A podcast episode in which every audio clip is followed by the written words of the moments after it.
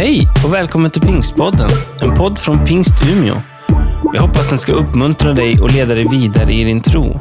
För att få mer information om Pingst Umeå och allt som händer i kyrkan, gå in på umia.pingst.se eller följ oss på Instagram och Facebook, at pingstumia.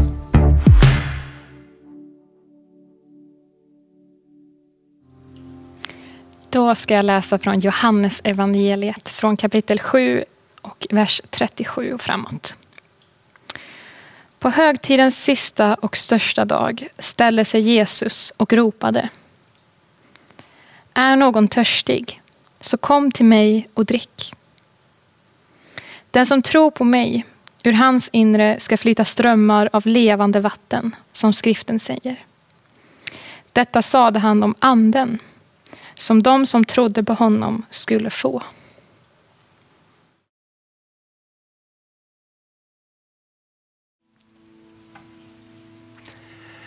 Jag gillar verkligen pingst och pingstdagen.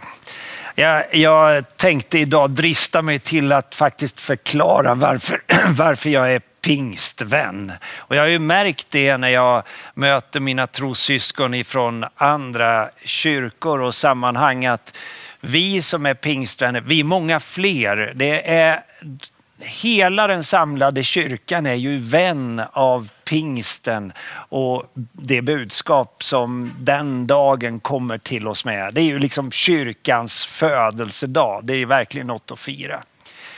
Eh, jag tänker så här. det är ju en sak att ha en teoretisk kunskap om vem Gud är. En teoretisk kunskap om tro och en helt annan eller en bra mycket djupare sak att ha en personlig erfarenhet. Det är ungefär som, eh, som det är med, med kärlek, sorg eller glädje. Eh, bara den som har drabbats av kärlek, som har känt kärleken i sitt liv vet ju egentligen på djupet vad kärlek är för någonting. Man kan ju studera kärlek akademiskt, belysa det från lite olika perspektiv, göra kvantitativa och kvalitativa studier och säkert skulle man komma fram till att kärlek är bra. Eh, men man skulle säkert komma fram till att kärlek kostar också. Och sen har ju kärlek med sorg att göra. Det där är lite jobbigt. För alla som har mist en nära anhörig vet att ju djupare bandet har varit, ju mer man har älskat varandra, ju mer ingriper sorgen i livet. Det blir en djup, djup saknad. Och jag säger varmt deltagande till, till alla er som har, har det så just nu och som är i liksom sorgens hus och sorgens rum. Det finns en väg ut ur det där. Men kom ihåg att din sorg, den har med kärlek att göra. De där sakerna som man behöver vara med om för att förstå. Det är också så med, med glädje. Ja, men ni vet, man har sett, eh, sett på människor som blir glada.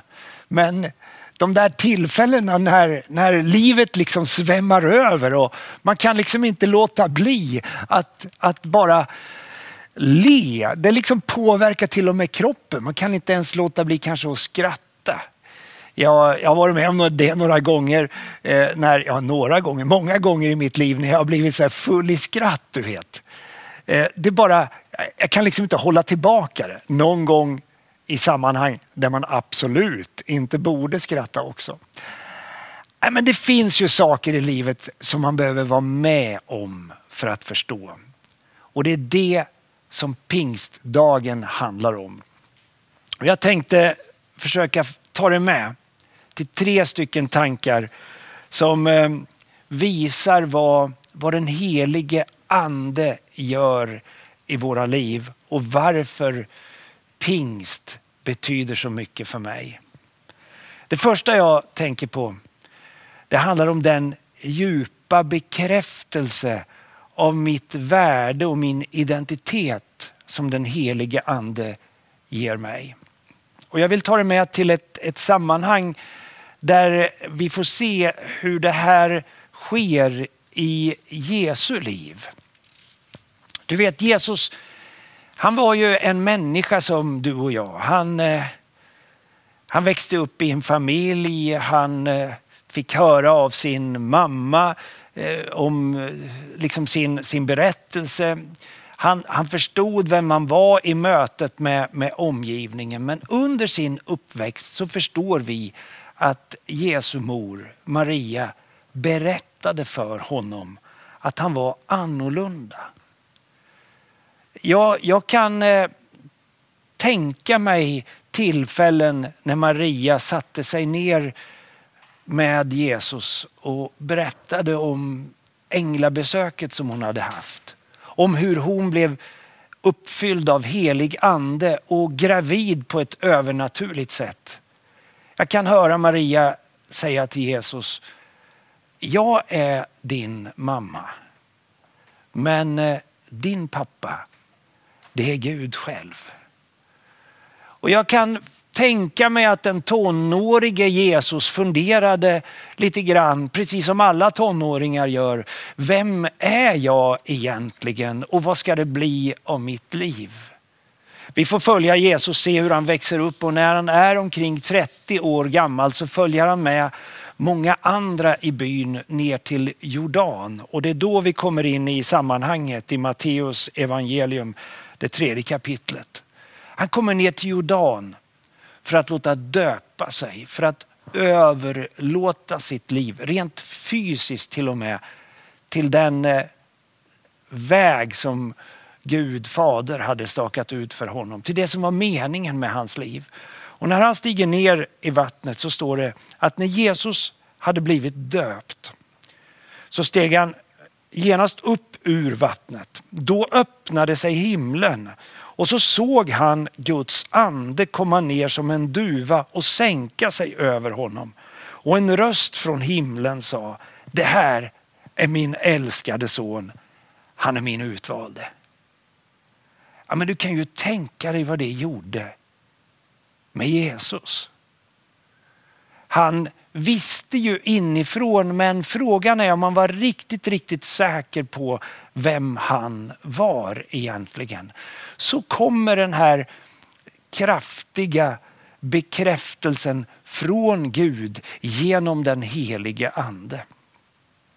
Den helige ande bekräftar vår identitet och hjälper oss att förstå att vi är inte bara ett resultat av våra föräldrars önskningar eller drömmar eller de tillfälligheter som gjorde att du och jag kom till.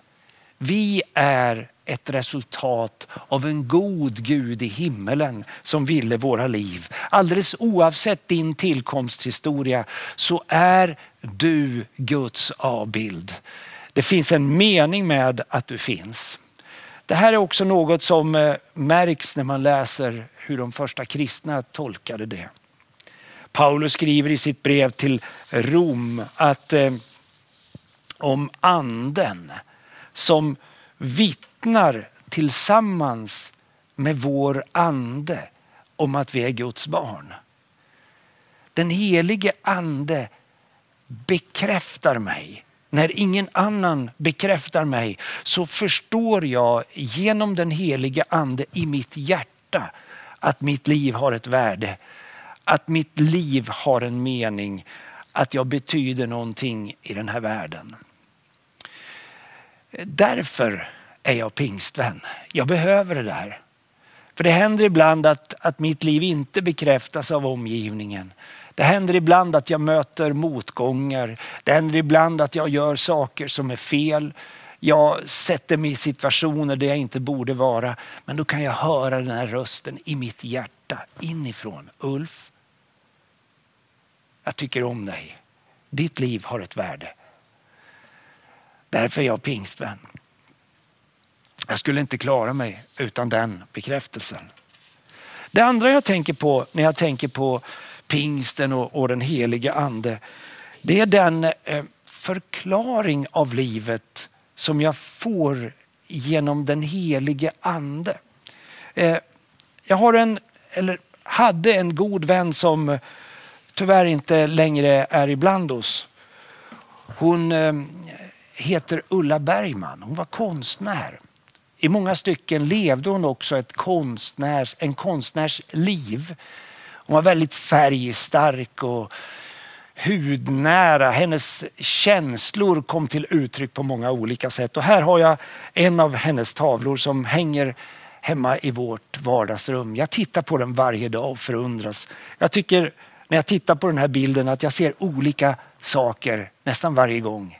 Den fördjupas, min förståelse av konstnärens avsikt.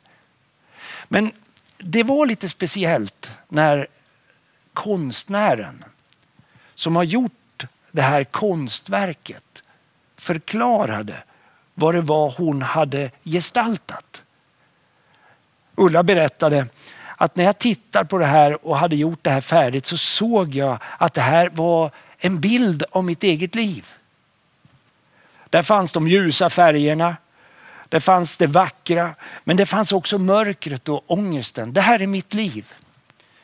Men, och så fortsatte hon att berätta något som jag inte hade sett förrän hon förklarade. När jag tittar på det här verket så ser jag också Jesu eget ansikte. Det är något speciellt att få höra konstnären beskriva och förklara konstverket. Det är en del av det anden gör i mitt liv. Jesus han säger när han talar om anden, om hjälparen. Hjälparen som fadern ska sända i mitt namn. Han ska lära er allt och påminna er om allt som jag har sagt er. Ja, säger han, jag ska be fadern att han ska ge er en annan hjälpare och han ska alltid vara hos er. Den helige ande ger mig en förståelse av inte bara livet utan till och med av Gud själv. En slags insikt inifrån.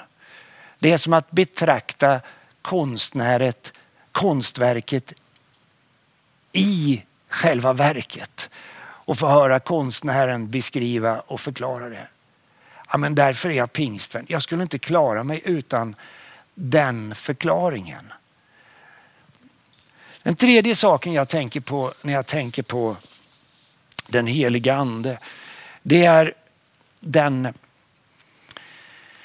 eh, den eh, den kraft som den heliga ande ger. Jag tänker att man skulle kunna säga att den heliga ande är, stärker våra liv. Och nu vill jag ta dig med till, till den där texten som beskriver kyrkans födelsedag. Vi ska läsa tillsammans.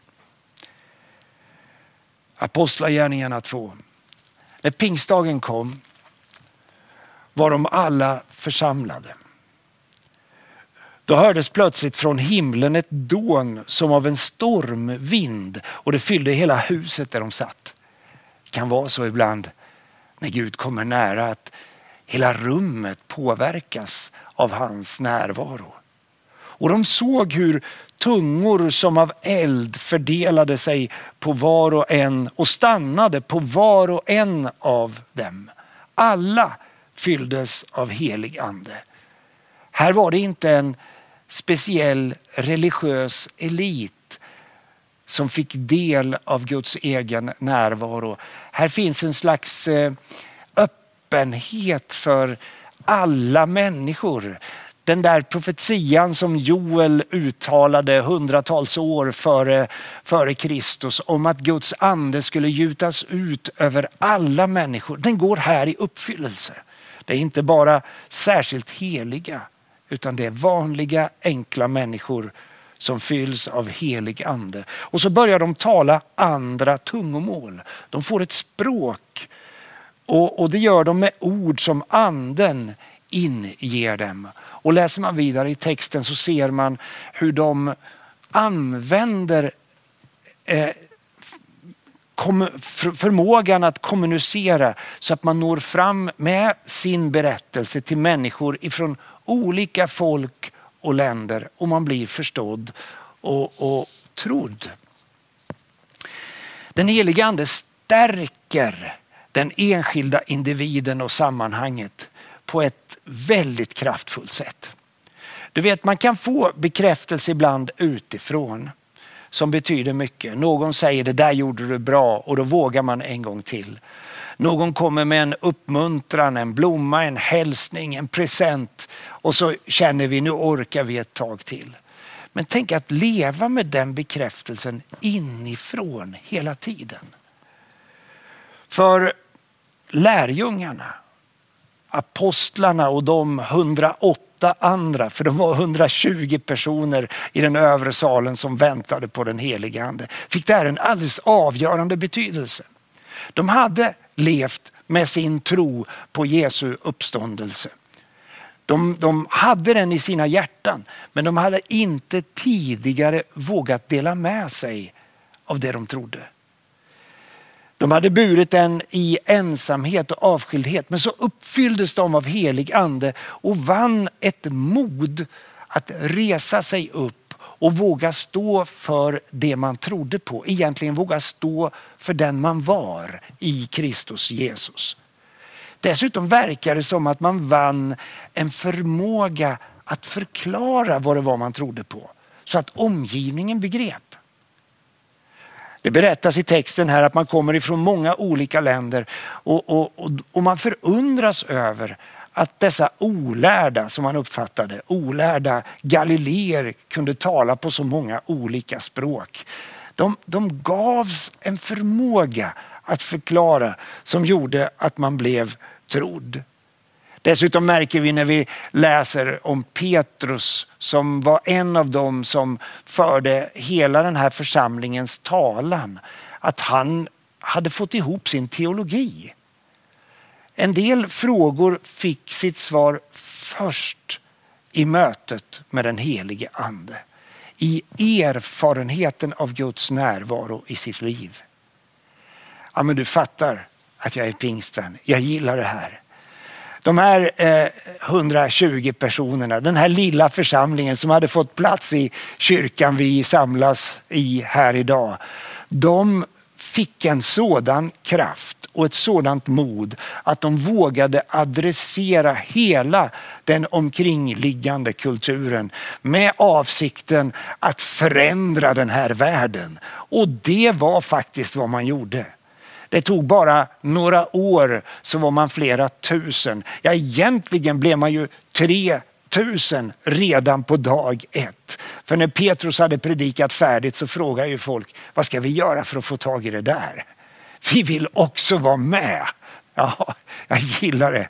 Och då säger Petrus bara mycket enkelt att ja, men om ni omvänder er, om ni vänder er emot Jesus och, och ger honom ert förtroende, er tillit och även inbjuder honom i era liv och låter det också få fysiska konsekvenser. Involvera kroppen med, i, i er tro. Låt döpa er i vatten. Då får ni förlåtelse för era synder och den heliga ande som gåva. Och responsen var enorm. 3000 människor lät döpa sig samma dag. Så de gick från 120 till 3120 på en dag. Och sen är ju berättelsen att de fortsatte att växa med en sån kraft att eh, men, de politiska ledarna och de religiösa ledarna i Jerusalem undrade vad är det för rörelse vi har att göra med. Det var egentligen inte en proteströrelse utan det var en Jesusrörelse. De gjorde bra grejer, de brydde sig om fattiga, de tog hand om sjuka och de förmedlade kärlek och hälsa in i hopplösa situationer. Det var inte konstigt att folk ville vara med i den gemenskapen. Ja, men du anar kanske varför jag är pingstvän. Det här gillar jag och jag tror inte att jag är ensam. Det är så skönt att pingstkyrkan inte har monopol på det här. Det här är någonting som är öppet öppet för hela mänskligheten. Det är öppet för människor alldeles oavsett språkbakgrund och tidigare erfarenheter. Man kan komma ifrån vilken kyrka, vilket religiöst sammanhang som helst. Man kan komma helt utan tro. Man kan komma som ateist i den elfte timmen på väg emot sin egen död med en längtan och säga du, jag vill ha tag i det där. Det är fritt och det är öppet för alla. Det är precis som vi läste i inledningen av gudstjänsten. De där orden ifrån Jesus Kristus när han frågar. Är det någon som är törstig? Amen, kom till mig och drick. Och i fortsättningen av Jesu tal så säger han att den som tror på mig, ur hans inre ska flytta strömmar av levande vatten. Det, det kommer att bli en källa av liv och kraft i ditt liv. Vi ska be tillsammans nu och jag välkomnar lovsångsteamet på plats. Att leda oss i en bön och vi kommer att säga välkommen till den tredje personen i gudomen. Vi vet att Gud är en god far. Vi vet att Gud har en son som heter Jesus Kristus och som är vår frälsare. Vars huvudavsikt var att förlåta oss från, för våra synder och döpa oss i helig ande och eld. Vi vet att Gud har en tredje person. Gud är hjälparen, den heliga ande. Jesus, han vill ge dig den hjälpen. Han vill döpa dig, omsluta dig i helig ande. Han vill fylla ditt liv, våra liv av sin närvaro. Låt oss be tillsammans med lovsångsteamet.